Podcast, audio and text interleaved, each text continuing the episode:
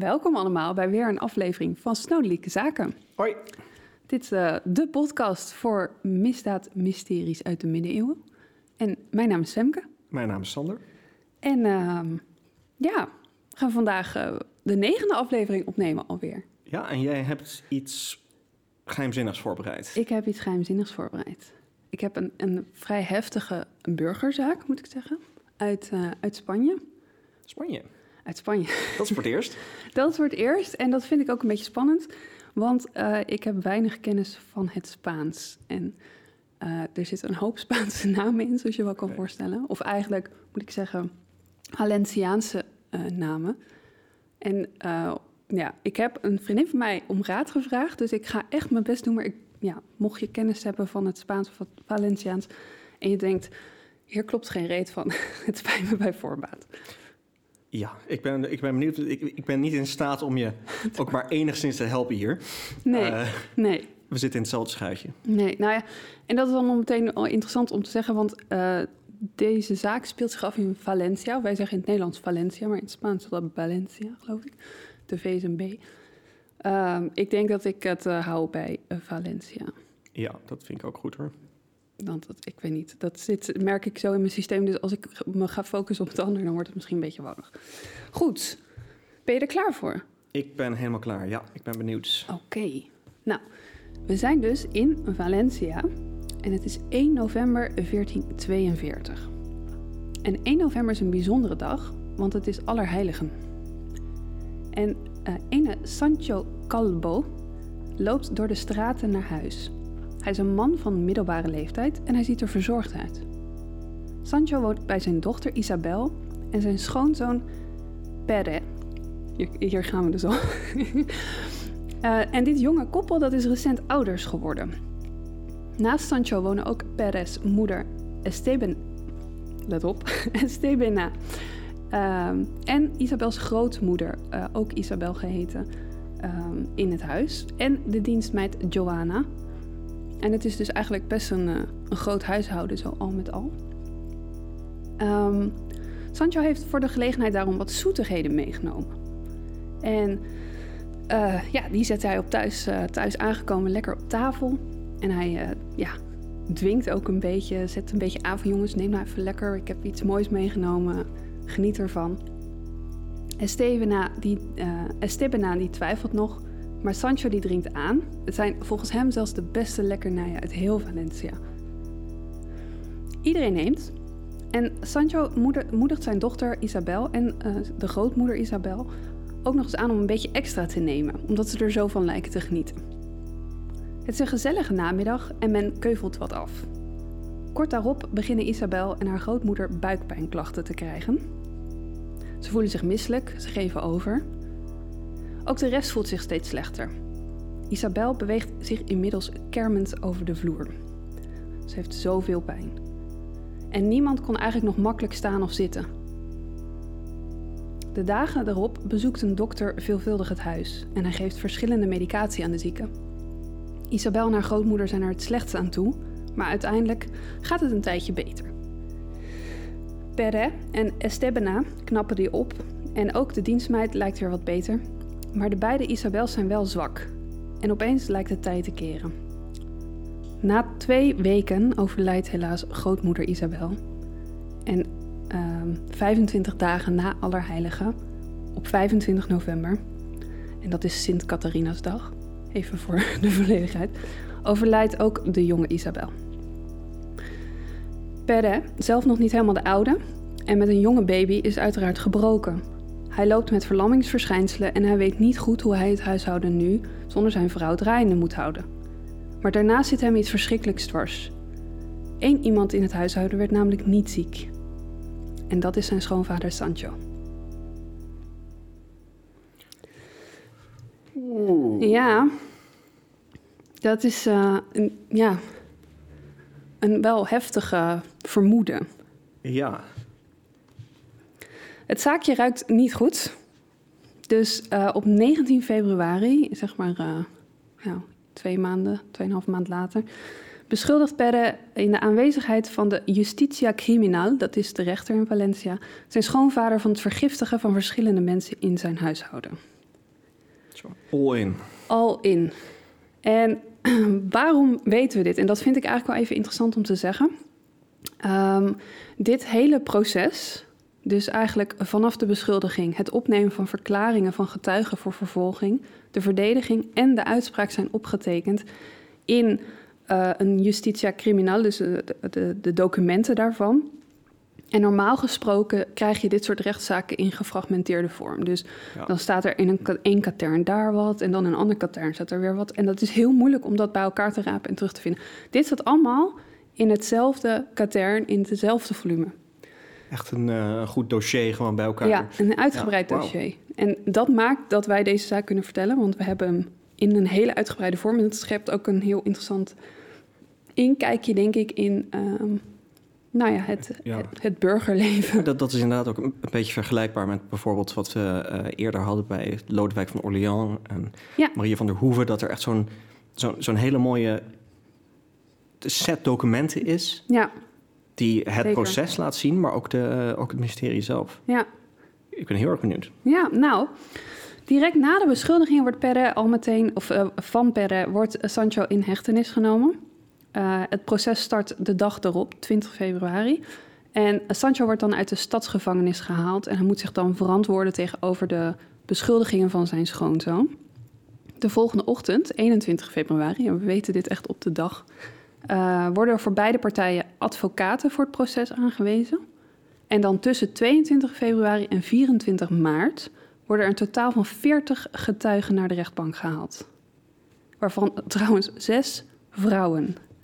En dat is eigenlijk ongebruikelijk, omdat dit een zaak is die zich afspeelt in het huiselijke leven. Ja. En vaak in dit soort gerechtelijke procedures zie je dan juist veel vrouwen, want die leven toch veel uh, in huis of hebben veel beter zicht op wat er allemaal gaande was. Maar hier is dat dus niet zo. Ja. Zes vrouwen maar. Dat is, dat is inderdaad bizar. Maar dan, ja, dat, dat, dan, dan moeten hier zulke vreemde vertakkingen ook naar buiten dat huishouden ja. zitten. Nou ja, dat ga ik je nu vertellen, want ik heb een lijstje. Um, onder de getuigen zijn vooral oud-collega's en klanten van Sancho.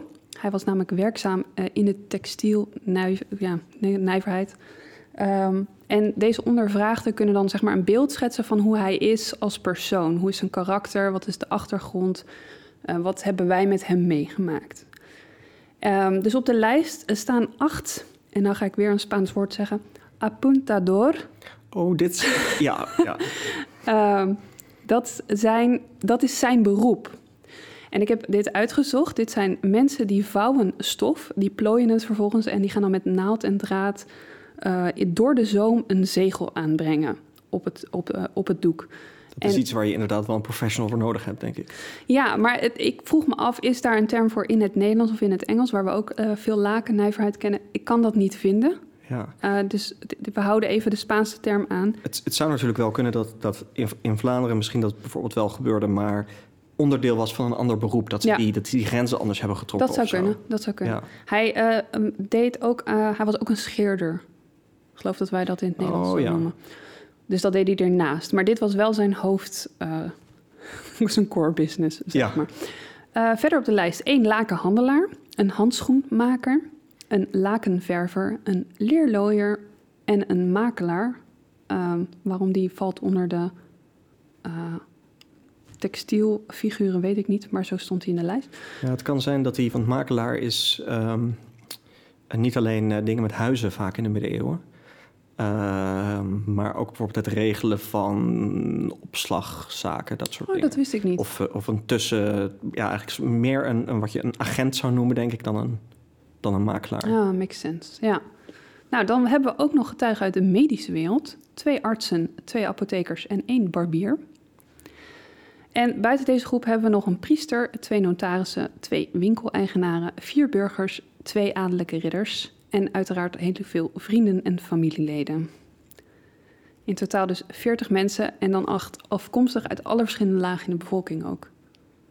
Dus dat maakt het wel. Uh... Dit zijn echt ingrediënten voor een. Uh...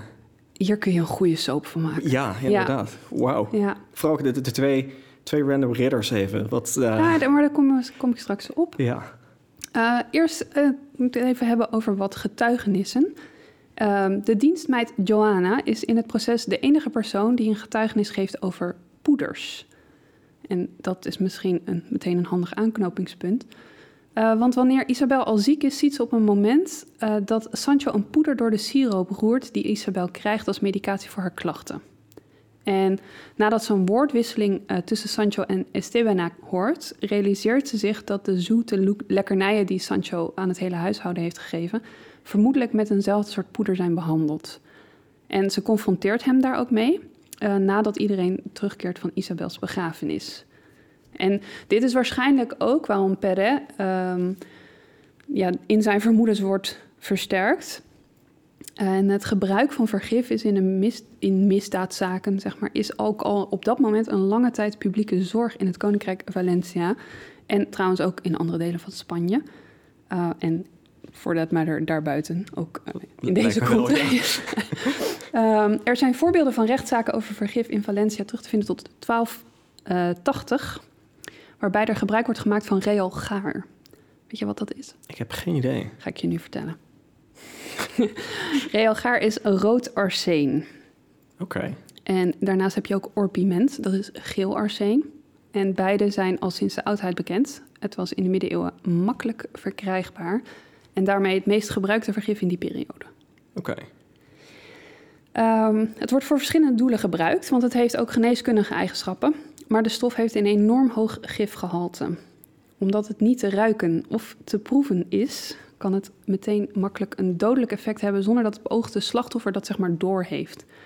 En het is het ideale middel uh, voor het verdelgen van plagen, dus ook knaagdieren, als je last hebt van muizen of ratten, daar werd het dus veel voor gebruikt. Maar ja, ook voor mensen.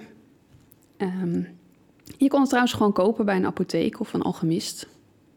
Dus ga er maar aan staan.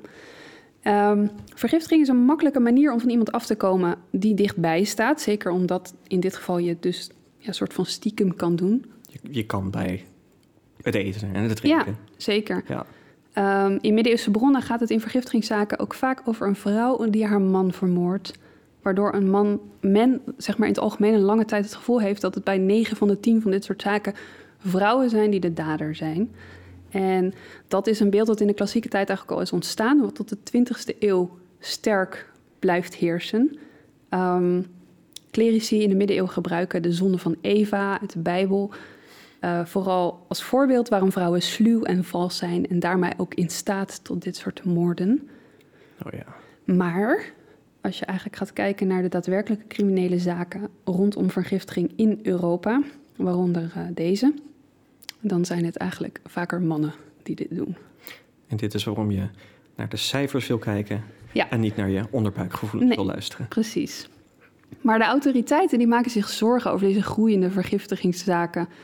Uh, en uh, in 1261 heb je Jacobus I, hij is koning van Aragon, ik denk dat je het zo uitspreekt, uh, wat een deel van Spanje, trouwens ook geloof ik Italië en nog wat gebieden behelst op dat ja. moment uh, ook van invloed op Valencia. Um, die stelt strengere wetten in. Het moet ernstig bestraft worden. En opvallend ook hier, als een vrouw de dader is, is de straf strenger dan als de man een dader is. Vrouwen uh, eindigen op de brandstapel, een man wordt opgehangen.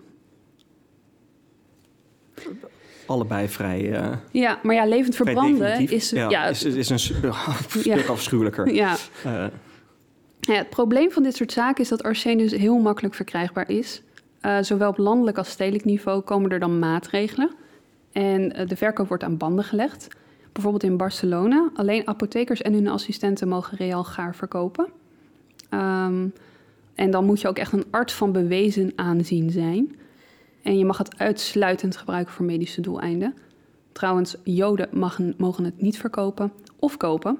Doe je dit wel, dan krijg je een boete van 1000 soes of sols, een uh, munteenheid in de middeleeuwen. Had je dat niet, dan werd je hand afgehakt.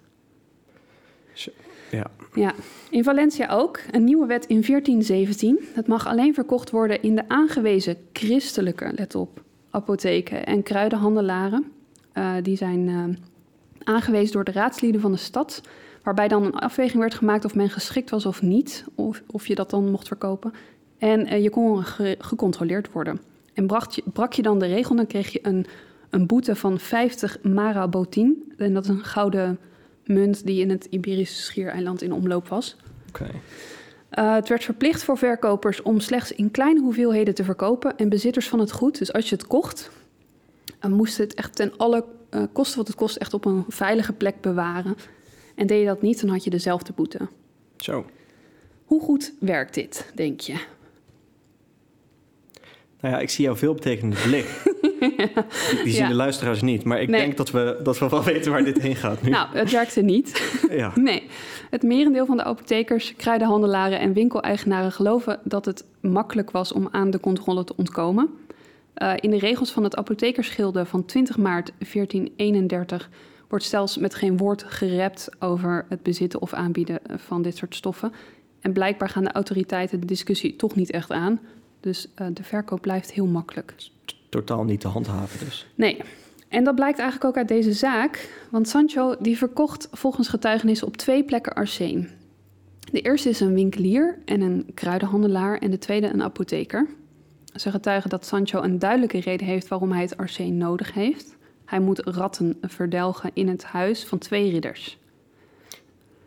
Ja, ze waren zo groot, de ratten, dat ze veelvuldig binnenkwamen en belangrijke papieren aanverraten en nou ja, aan het eten kwamen. Dat wilden ze niet. De ridders op hun beurt, die getuigen dat ze hier iemand anders van de huishouding uh, opdracht toe hadden gegeven. Dus wel degelijk het verdrijven van de ratten, dat, is, uh, dat klopt. Uh, maar die persoon die besteedt het blijkbaar uit aan Sancho, die toch al naar een apotheek moest. Sancho die bezoekt beide leveranciers tweemaal, elke tweemaal dus, in totaal vier keer. En uh, er zitten slechts enkele dagen tussen. En de leveranciers zijn hier ook een beetje verbaasd over. Maar Sancho heeft, geeft beide heren hetzelfde excuus. Het spul dat ze hem de eerste keer verkochten was niet effectief genoeg. En hij heeft iets krachtigers nodig. En de prijs die hij ervoor betaalde voor de vier aankopen was twee uh, deniers, of deniers?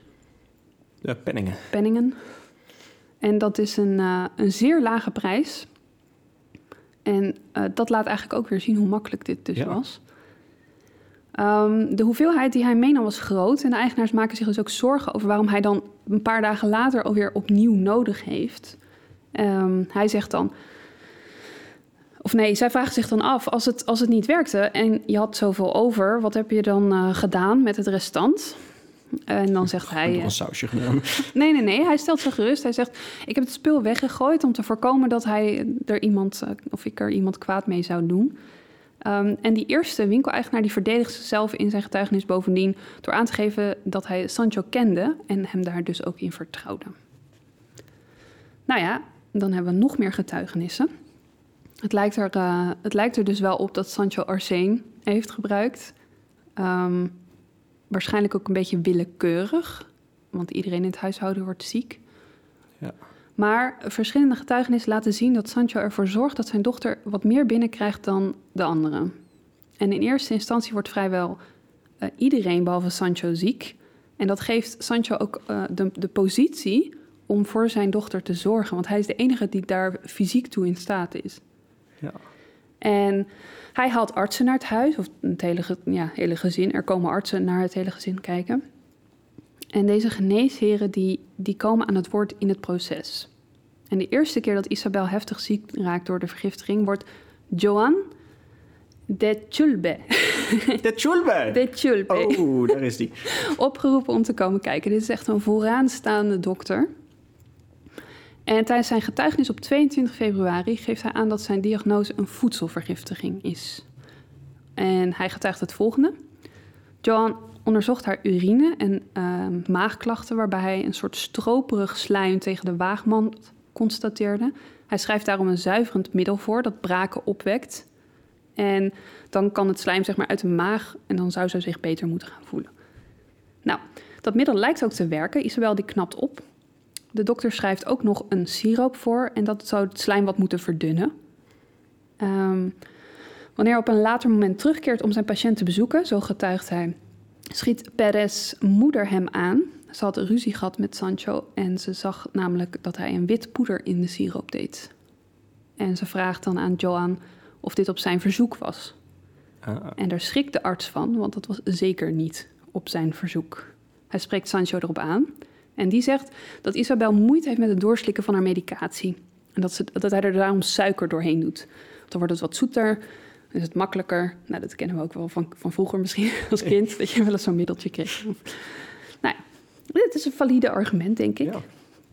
Ehm, Sancho die stelt, of Sancho, Johan stelt in zijn getuigenis direct dat hij Sancho hier duidelijk op heeft aangesproken.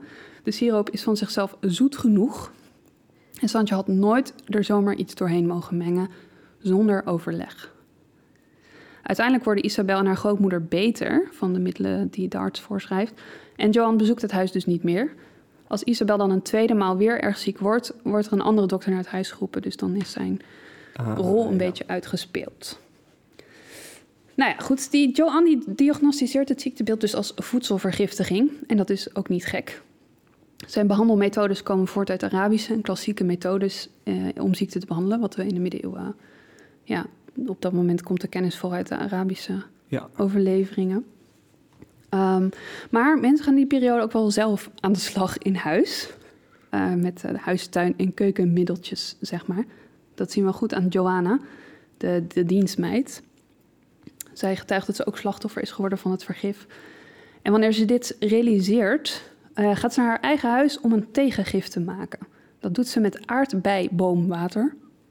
Ja, ik had, er, ik had er ook nog nooit van gehoord. Ehm, en dan daarna vermengt ze as met olie. En dat, eh, dat drinkt ze ook op.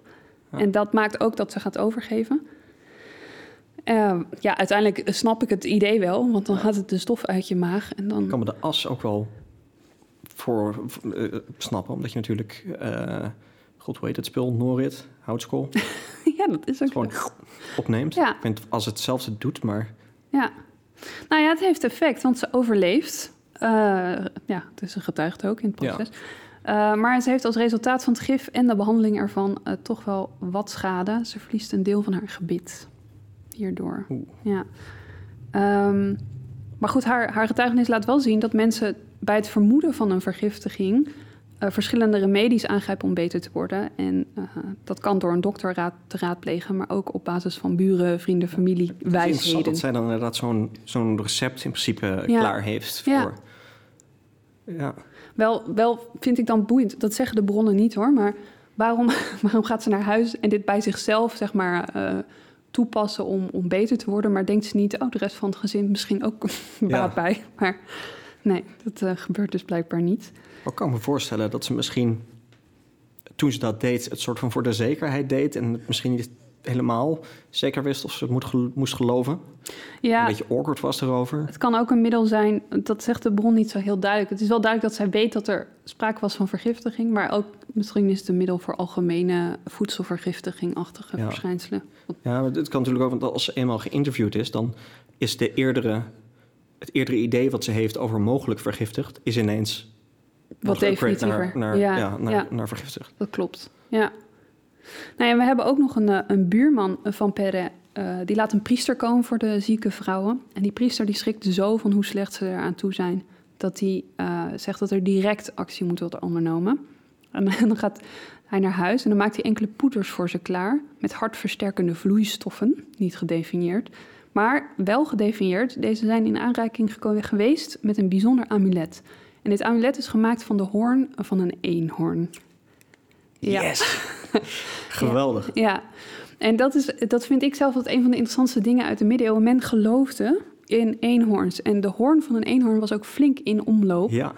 Ehm, weet je, heb jij enig idee wa- wat dat vaak was? Nou, ik weet, het stiekem weet ik het wel inderdaad. Eh, er zijn een paar, eh, paar eh, eikelige Scandinaviërs die dit hebben doorverkocht. ja, Eh, van een speciaal eh, zeewezen. de unicorn of the sea. Unicorn to sea. Ja, een narwal. Ja. En dat is een, eh, ja, een enorme vis met een hoorn op zijn hoofd. Een flinke ook, Is het niet een eh, zoogdier? zoogdier. Maar hij leeft in de zee. ik vind het gewoon vis.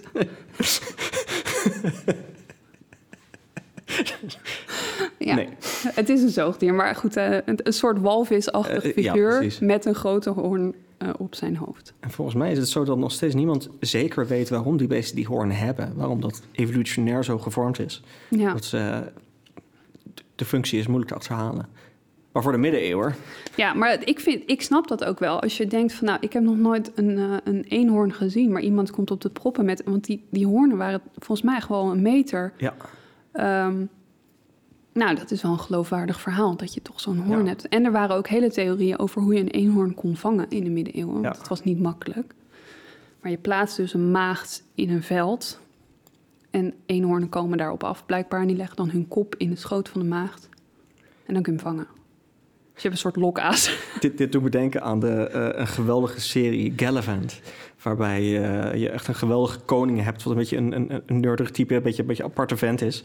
En die is dan ook, uh, die, die wordt dan verteld, die krijgt uitleg over de, over de eenhoorn. En ja, ja, de, wordt dan verteld hoe de eenhoorn inderdaad altijd op, op virgins afkomt. En de rest van de aflevering zit die eenhoorn alleen maar achter hem aan. dat is zo funny, ja. Gallivant, dat is een, zoek het vooral op. Nou, je weet wat je te doen staat als je een eenhoorn wil vangen nu. Ja. Maar goed, ja, dit soort, dit soort uh, amuletten en poeders en uh, wijsheden gingen rond. En dat, dat gaat ook nog wel wat verder. Want uh, een ander familielid van Isabel die getuigt... hij en zijn vrouw verblijven wanneer iedereen ziek is in het huis om te helpen.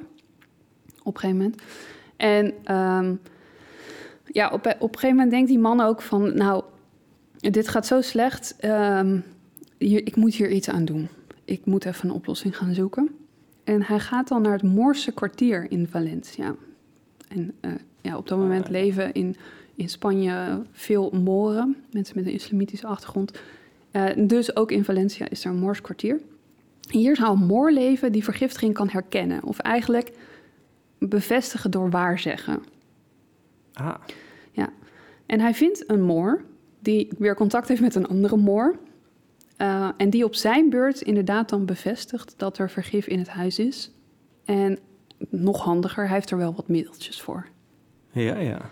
Dus um, de familie die heeft daar wel interesse in. Dus de Moor, de Moor 1, zeg maar, de tussenpersoon, die regelt drie siroopflesjes. En tijdens een lunch komt hij deze brengen. En volgens de getuigenis van Perret voelen zich uh, daarna ook allemaal na het slikken van die siroop beter. Maar het familielid zelf, wat dit in gang heeft gezet, die getuigt juist dat Isabel aangeeft zich slechter te voelen na het innemen van de siroop.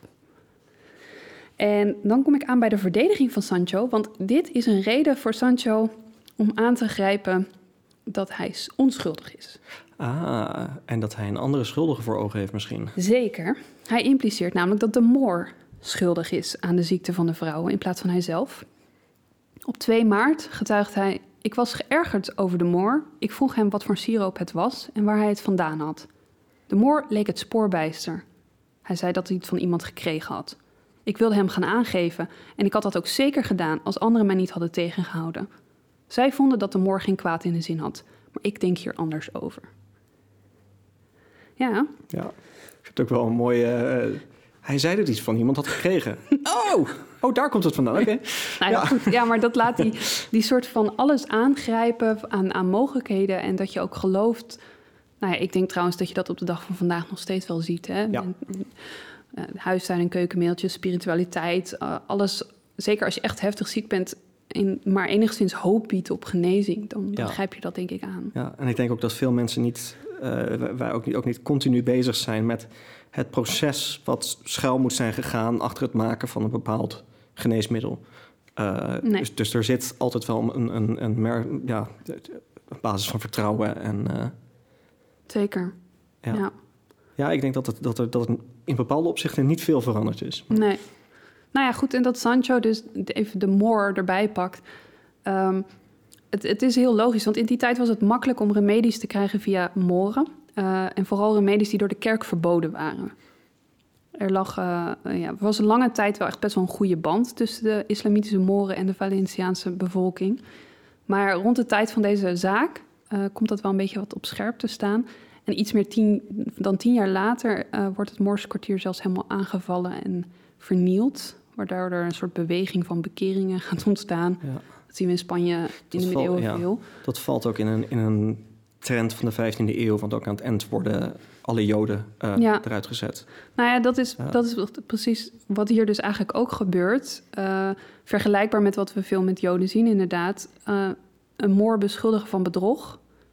is, is een hele logische zet. Want die reputatie van die bevolkingsgroep staat al onder druk. Ja. Ehm, en je ziet dat ook, want er zijn predikers in de stad bezig om ervoor te zorgen dat alleen doktoren die geschoold zijn aan de universiteit geloofwaardig zijn als geneesheer. Ehm, deze artsen zijn qua genezingscapaciteit zeg maar vergelijkbaar met de zoon van God. En al het andere, en dan met name de moren, maar ook dus gewoon waarzeggen, raadselachtige diagnoses, verboden remedies, dat is niet oké. Dat is niet wat we toestaan in het leven. En alleen getrainde doktoren hebben de mogelijkheid om je te genezen. Dat is de boodschap, continu. Ja. Alleen getrainde doktoren hebben dus de mogelijkheid om je genezen, te genezen. Dat is de boodschap.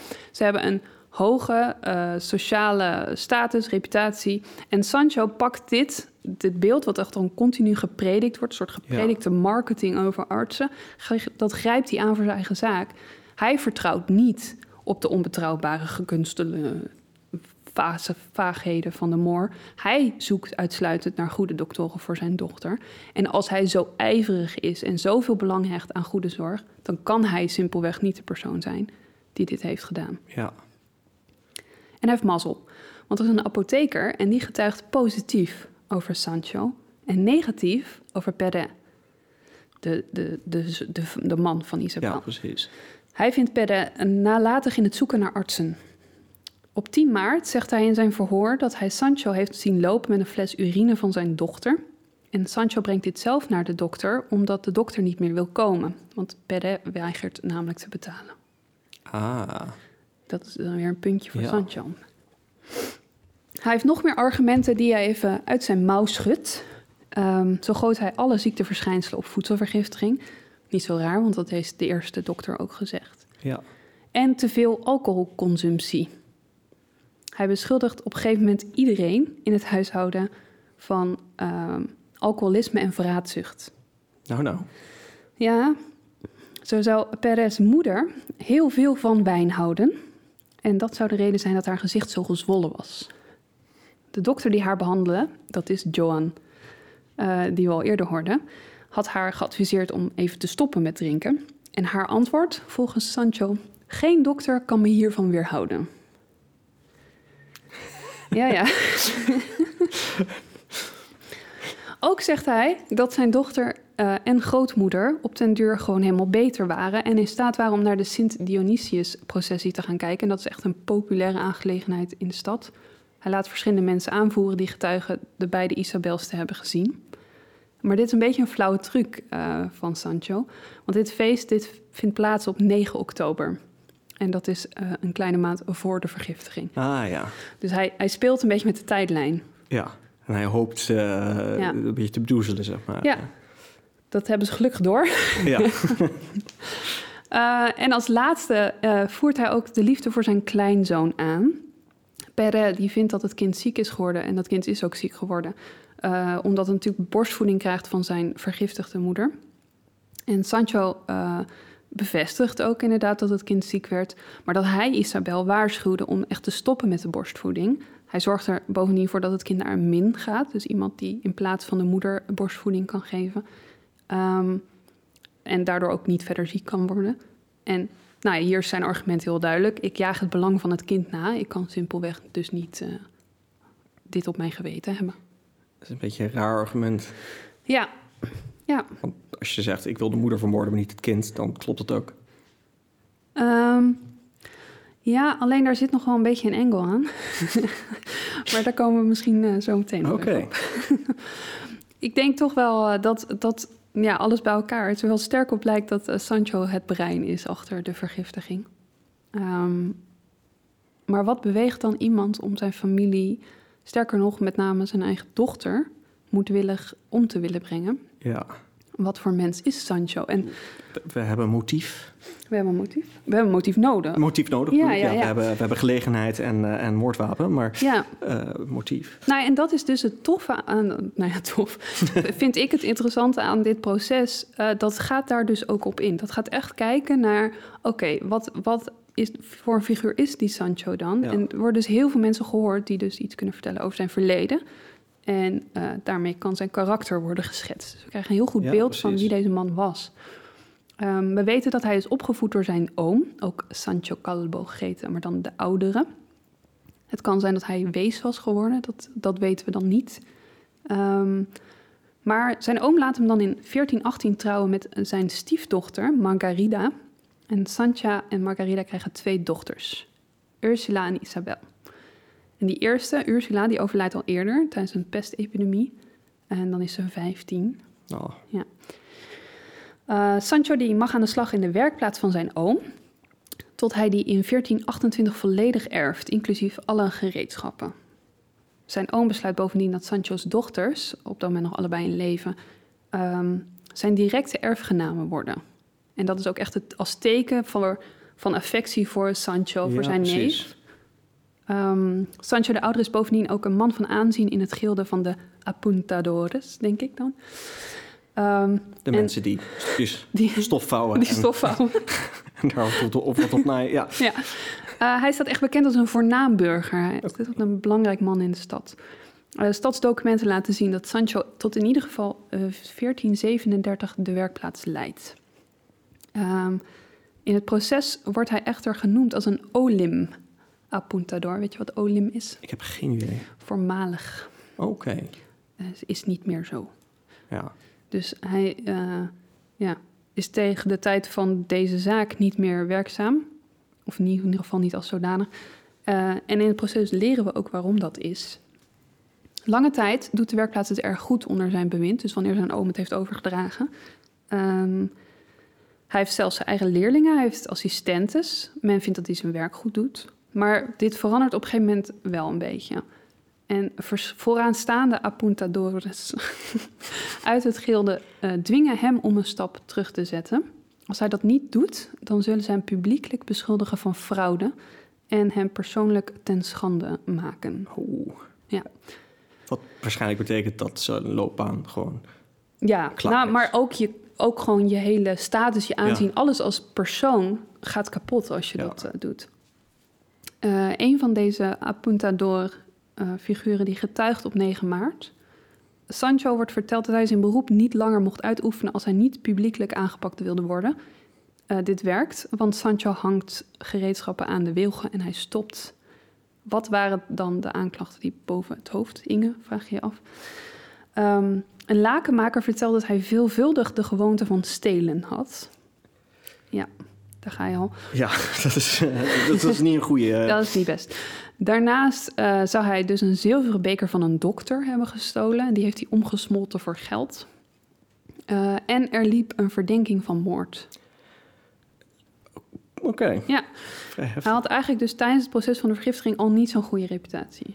vind ik wel apart als er een verdenking loopt voor moord. Dat je dan zegt van stop met je beroep en dan doen we niks. Ja, en misschien had het dan te veel invloed op de beroepsgroep, op het gilde als algemeen. Of, alleen een vermoeden en te weinig. Dat, ja, dat zeggen de bronnen dan helaas niet. Ja. Maar er zijn toch wel meerdere die, die getuigen dat hij niet, niet best bezig was. Er zijn zelfs mensen die al zeggen dat hij toen hij voor zijn oom werkte al niet, niet, niet altijd even was. netjes was. Maar Ja. het zijn incidentele gevallen. En er zijn ook getuigenissen die zeggen dat hij dus wel goed zijn werk deed. Dus ja, het weegt een beetje op, denk ik. Ehm, op het moment dat hij dan zijn werkplaats verliest, komt hij in financiële problemen. En de rechter vraagt hem tijdens het proces of hij al eerder veroordeeld is eh, voor misdaden. En dat geeft hij toe. Hij heeft in de gevangenis gezeten voor schulden. Ja. Het verlies van de werkplaats maakt blijkbaar dat hij op zoek moet naar andere manieren om toch rond te komen. Eh, dat maakt dat hij zijn huis gaat verhuren voor 340 sous eh, per jaar. En hij wordt benoemd als rechter in het havengebied. En daar krijgt hij blijkbaar ook geld voor. Ehm, deze, deze reden grijpt hij trouwens ook weer aan in zijn verdediging. Hij zegt namelijk eh, dat dit de reden is waarom hij stopte met de werkplaats. Dat de verplichtingen als rechter te Oh, veel ja. tijd van hem vroegen. Eh, de oud-gildeleden cla- claimen echter wat anders. Dus Hij, heeft duidelijk, hij probeert het duidelijk te verbergen. ja, het argument blijft ook niet staan. Eh, hij heeft daarnaast nog een pensioen van 800 sous voor eten. Dat krijgt hij uit de erfenis die apart moet worden gezet voor erfgenamen. En hij krijgt dat uit het eigendom van zijn eerdere overleden dochter, dus de Ursula. Ehm, hij heeft dus drie inkomstenbronnen, maar bij elkaar is dit nog steeds niet vergelijkbaar met wat hij eerder verdiende. En hij heeft blijkbaar wel een hele hoge levensstandaard. Ja, precies. Wacht even, dan is dus Ja, zijn, zijn oom heeft dan die dochters erfgenaam gemaakt. Ja. Oh, en dan is via daar dat hij... Ja. Ja, ja, Ja. duidelijk. En dat is één bedrag, dus dat is niet iets wat maandelijks komt. Oké, net is Maar een hij- eenmalige Ja, uitbetaling. ja. ja. Ehm, dat hij die hoge levensstandaard heeft, eh, wordt ook eh, in een getuigenis bevestigd. 23 februari lezen wij: Een man die wel uitgeeft, maar niet werkt, zal arm eindigen. Hij blijft dus echt leven en spenderen, zeg maar. Een zoals- waarheid als een koe. Ja, zeker. Van het Ja. tegeltje. Ehm, maar ja, hij geeft dus die manier van leven niet op. En dan, ja, dat wordt lastig volhouden. Ehm, op 4 februari trouwen Isabel en Perre met de toestemming van haar grootmoeder, Isabel de oudere, ehm, en haar vader dus. Ze ontvangt een bruidschat van 14.500 sous, bestaande uit een huis en een, een jaarlijks pension. Dat is iets hoger dan gemiddeld voor die tijd. Ehm, maar ze waren iets hogere middenklasse. Ja, zeker als je het vergelijkt even met die kosten die, Ja, nee, eh, die hij dan had. Ja. Ja. Perret voegt hier trouwens nog 7500 sous aan toe. En eh, we hebben een getuige in de vorm van een provoost en een edelman. En dat laat ook wel zien dat deze familie goede banden had. Ja. Ehm, ze ontvangen vanuit grootmoeder Isabel een huis in het havendistrict. Maar ook nog eens een huis via een priester en ook nog een in het achterland van Valencia. Ik verbaasde me hier een beetje over, maar zo stond het er wel. ja. Leek me niet heel gebruikelijk, maar ja, blijkbaar was dat wel zo. ja. Ehm, een dag na het huwelijk tekent Isabel dan een document in de aanwezigheid van een notaris. En dat maakt dat haar vader recht heeft op de helft van de lijfrente van 500 sous uit de bruidsschat. Vanaf dat moment krijgt hij dus 250 sous. ja. Niet lang na de bruiloft wordt Isabel zwanger. En het koppel besluit dan een lening aan te gaan vragen om meubels te kopen en wat renovatiewerkzaamheden aan het huis. En dat is vrij gebruikelijk voor jonge koppels die een leven beginnen. ja. Nieuw leven samen, zeg maar. Op naar de IKEA. ja, nou wel een beetje. Ehm, maar Pedde zegt dat zijn eh, schoonvader hier echt woest over was en heel bedreigend overkwam. En dat Isabel hem dan vervolgens vertelt dat ehm, zijn schoonvader haar soort van gedwongen heeft om een testament op te maken waarin hij eh, haar erfgenaam werd. En dat ze vermoeden dat hij daarom boos was. Want Perre en Isabel geven hiermee nu geld uit wat hem toekomt in ja. zijn hoofd. Nou ja, en potentieel maken ze schulden die hij kan erven. Ook, ja. En daarop besluit ze het testament weer te veranderen. En dan maakt ze haar pasgeboren zoon erfgenaam. En daar hebben we het Oh. haakje waar ik hem net parkeerde. Ja. Ehm, maar haar vader krijgt vanaf dat moment alsnog wel een jaarlijkse bijdrage van 500 sous. Wanneer zij zou komen te overlijden. Dus het geld gaat grotendeels naar de kleinzoon. Of naar de zoon van Ja. Isabel, de kleinzoon van Sancho. Ehm, en hij krijgt 500 sous op jaarbasis als zij zou overlijden. Sancho zegt, dit deed mijn dochter uit vrije wil. Perret zegt, Sancho dwong Isabel. We hebben Isabel niet als getuigenis, dus we weten het niet. Ja. Maar deze theorie wordt wel verder uitgerold. Want op het moment dat Sancho het voor elkaar krijgt om dus weer een begunstige te zijn in dat testament, eh, lijkt hij wel die plannen in werking te gaan zetten om ja, eh, zijn dochter en vermoedelijk misschien ook toch wel de kleinzoon uit de weg te ruimen. Want Perret mag pas aanspraak maken op de erfenis als zowel kleinzoon als Sancho overleden zijn. Dus Ja. De rechtbank is niet 100% overtuigd, maar denkt toch voldoende getuigenissen gehoord te hebben die de, in het nadeel van Sancho spreken. Dus ze stappen even over op een heftiger middel. Oeh. Ze gaan hem onderwerpen aan martelingen. Ja. En dat geeft het laatste zetje. Hij ge- Verrassend. Ja. Heel gek. hij geeft toe. Hij biegt op dat hij inderdaad arsen in de siroop heeft gedaan, maar ook in de zoutkelder, in de bouillon, in een pot en in de zoetigheden. Ook heeft hij gelogen over het eigendom van zijn andere dochter eh, Ursula, om dat in handen te krijgen. En hij is, eh, geeft aan dat hij zo gedreven is door haat voor zijn schoonzoon dat hij er alles aan wilde doen om de eigendommen van Isabel ook in handen te krijgen. Wat een, een naar figuur. Ja, nou ja, zeker. En dat geeft die Justitia Criminal een, een duidelijk beeld. ehm, en zij oordelen ook vrij beslist Isabel en haar grootmoeder zijn overleden door het arseen eh, dat ze hebben binnengekregen. En Perret en zijn moeder Estebena zijn hierdoor ook slachtoffer. Weliswaar niet overleden, maar wel verzwakt en gedeeltelijk verlamd. Ja. Mogelijk nog een lange weg van herstel te gaan. Ehm, er gelden hele strenge wetten op moord op nabije familieleden op dat moment. Het is niet mals. Je wordt namelijk veroordeeld tot de dood, waarbij je levend begraven wordt onder het lichaam van de persoon die je hebt Oh, ja. vermoord. ja. Het lijkt er wel op dat dit bij Sancho niet letterlijk is uitgevoerd. Hij wordt er wel tot eh, veroordeeld, maar hij wordt eigenlijk begraven, vervolgens weer opgegraven, levend. En dan nog, dus nog in levend opgehangen totdat de ziel zijn lichaam verlaat, volgens de bronnen. Het is ook echt weer zo'n heel uitgebreide eh, Ja. ter doodbrenging. eh, heel typisch. Ja, het, is, het staat ook letterlijk eh, genoteerd. Wij verklaren dat Sancho Calvo eh, levend begraven moet worden in het graf waar zijn dochter begraven is. En dat haar lichaam boven dat van Sancho wordt geplaatst. Daarna moet Sancho Calvo eruit gehaald worden om opgehangen te worden aan de galg op de stadsmarkt, zodat hij een natuurlijke dood sterft en zijn ziel zijn lichaam verlaat. Een natuurlijke dood. Ja, nou ja. ja. wat ik me nu afvraag, hè, Ja, is waarom heeft die vent niet gewoon ook gedaan alsof hij ziek was in het begin? dat was wel slimmer geweest, Ja. denk ik. Ja, Want het, je hebt een heel, een, een heel huishouden wat ziek wordt. ja, Eén iemand die kwiek rond blijft stappen. ja. Ja, Dit, dit, dit weet, ja, dat zeggen de bronnen niet. Hij, hij heeft on, vanuit onze ogen inderdaad onhandig gehandeld. Had het slimmer kunnen aanpakken. ja. Nou ja, had hier sowieso niet moeten eindigen, denk ik. Maar het is gebeurd. ja.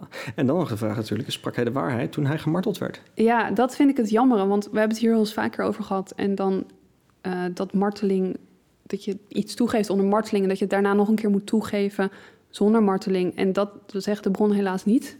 Dus ik weet niet hoe dat is gegaan op dat Ja. moment. Eh, aan de andere kant denk ik, als je alle bewijzen bij elkaar... of alle getuigenissen bij elkaar gaat rapen... dan denk ik niet dat Sancho eh, heel onschuldig was. Nee. Maar goed, het is wel, het is gewoon zo tof, omdat, zeg ik weer tof. Ehm, maar goed, interessant dat je, dat je zo uitgebreid alle getuigenissen hebt. En Ja. dat inderdaad een priester aan het woord komt en een arts. En Maar ook dat er zo'n klassiek motief langs... Zeg maar, dit is de middeleeuwse versie van de levensverzekering... die ja, je in een moderne true crime case zeg maar, tegenkomt. ja, nou ja, in alle eeuwen denk ik. En we hebben het Ja. er wel eens vaker over gehad. Maar dan ga, ik ga hier een beetje als, als Leidse... eh, eh, ja, ben ik hier, vind ik dit altijd een indrukwekkend verhaal. We hebben in Leiden de, de Leidse gifmeester. Oeh, Goeie ja, ja, ja. En dat is een beetje hetzelfde verhaal. Dit is niet een middeleeuws verhaal, maar wie weet dat we hem ooit toch eens oppakken. Er is overigens recent een True Crime podcast over opgenomen. En als je googelt kun je heel veel vinden. Uh, maar ja, dit is, het arsen is een middel wat je makkelijk kan gebruiken. Wat ik al zei, je ruikt en je proeft het niet. En het is 9 van de 10 keer is het, is het vanwege zoiets. ja. En uh, ja, Ik vraag me af, is, is, zijn, eh, zijn er bronnen voor of nou de verkopers... zi- zijn die nog in problemen gekomen door dit proces? Nou, we weten dat hierna uh, nog strengere wetten zijn aangevoerd uh, voor de verkoop van arsene. Het is echt bijna helemaal aan banden gelegd in Ja. Valencia. En um, er wordt niet, deze zaak wordt niet bij naam genoemd, maar er wordt in de omschrijving wel gezegd vanwege een recente uh, moordzaak in de stad. Ja. En dat is voor 99% deze zaak. Ja, precies. Dus we weten wel dat er gevolg aan wordt gegeven. Want blijkbaar had dit best wel een soort effect in de stad uh, dat dit gebeurde. En ook Ja. ja, dat die toch een heel huishouden, zeg maar. Uh, Nou ja, dit, dit is ook. Ja. Ik bedoel, stel je voor dat je dit hoort nu in eh, de buurt waar je zelf woont. ja. Eh, dan kan je wel snappen wat voor een impact eh, het heeft. Het is nu ver weg voor ons eh, in, in Valencia. Maar eh, zou dit nu voorkomen? Ik zou diep geschokt zijn. ja, dan- maar het is ook schokkend. Het is echt niet oké. Ja. En hij heeft, hij heeft ook echt, als we even ervan uitgaan dat alles wat wordt gezegd klopt. Maar dat je het dus ja, smoesjes aangrijpt om, om dat arseen te kopen in de apotheek tot vier maal. ja. Dus hij moet echt een enorme hoeveelheid hebben gehad. Dat je het stopt in niet alleen eten en drinken, maar dus ook in de medicatie. ja.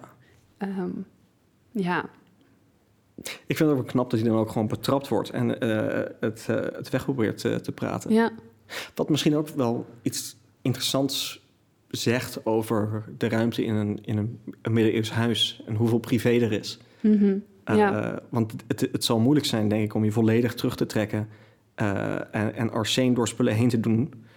Uh, zonder dat iemand het merkt. Want je zit toch dichter op elkaar in een middeleeuws huishouden. ja zeker. Minder je hebt niet je eigen kamer. Dus een grotere kans dat uh, inderdaad de dienstmeid uh, ziet dat je iets door de medicatie stopt. Ja, of dus de, in dit geval de moeder van Perre, uh, ja. Estebena, heeft het ook gezien in de siroop. Ja. Um, ja. Aan de andere kant komt hij er dus soort met van smoesjes wel mee weg, zo lijkt. En uh, op een gegeven moment als iedereen ziek is, want uiteindelijk is ook natuurlijk Perre ziek en uh, zijn ja. moeder is ziek. Dus iedereen ligt soort van op apengapen. Ja, dan is het makkelijker bewegen in het huis, denk ja. ik, als jij ja. uh, wel fit bent. Aan de andere kant, er komen ook weer familieleden, verdere familieleden helpen. Ja, ja en, dus, en je hebt natuurlijk die, de, de buren eromheen die, eh, die Ja. opletten ook. En ja. zo'n zo'n priester wordt geregeld. Ja, maar het geeft in mijn optiek gewoon een heel interessant inkijkje in, um, nou ja, de middenklasse in, in Valencia Ja. in, in die tijd. Um, en ook ja, iedereen die betrokken is, op wat voor manier dan ook. En dat we door hun ogen een klein stukje meekrijgen van wat hier gebeurd is. Ja, precies. Ja, ik vond dit een, uh, ik vond dit een bijzonder interessante. Uh, ja. Heel mooi. Nou, en wat wel leuk is, is, uh, of leuk, ik, ik blijf, blijf een soort van positieve woorden gebruiken voor dit soort heftige Ja, nee, maar het is ook gewoon hilarisch. Nou, hilarisch zou ik dat Nee, het is tof, tof is het feit dat het materiaal er ligt. Ja. Uh, dat we dingen kunnen weten, dat we dingen kunnen vertellen. Nou, en ik heb deze zaak uit een boek. Uh, dat boek heet Medieval and Early Modern Murder. En dat is een uh, bundel gemaakt door Larissa Tracy. En hier zijn verschillende wetenschappers aan het woord rond het onderwerp moord. En dit is een Spaanse onderzoekster die eigenlijk geïnteresseerd was in artsen in Valencia. En omdat ze in deze zaak zag dat er artsen aan het woord kwamen, heeft ze, is ze hierin gedoken. Ik denk dat het een zij is trouwens, ik weet niet zeker. Uh, maar die beschrijft deze zaak uh, vrij uitgebreid. Ze heeft hier ook een artikel over geschreven in het Spaans, maar ik heb dus de Engelse artikel gebruikt uit de bundel. Dus als je nog meer informatie wil hebben over wie wat zei, dan kun je dat in dat boek vinden. Ja, als je echt serieus aan het, uh, aan het lezen wil gaan, wat, ja.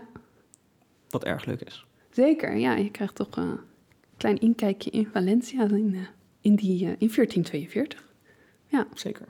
Nou ja, dat, dat denk ik wel dat dit uh, de aflevering was voor vandaag. Dus bedankt dan, voor het luisteren. Bedankt voor het luisteren en tot de volgende keer. Vond je dit nou een leuke podcast? Het helpt ons enorm als je onze podcast een recensie of waardering geeft via jouw favoriete podcast-app. Volg ons op social media. Je kunt ons vinden op Facebook en Instagram onder Snodelijke Zaken.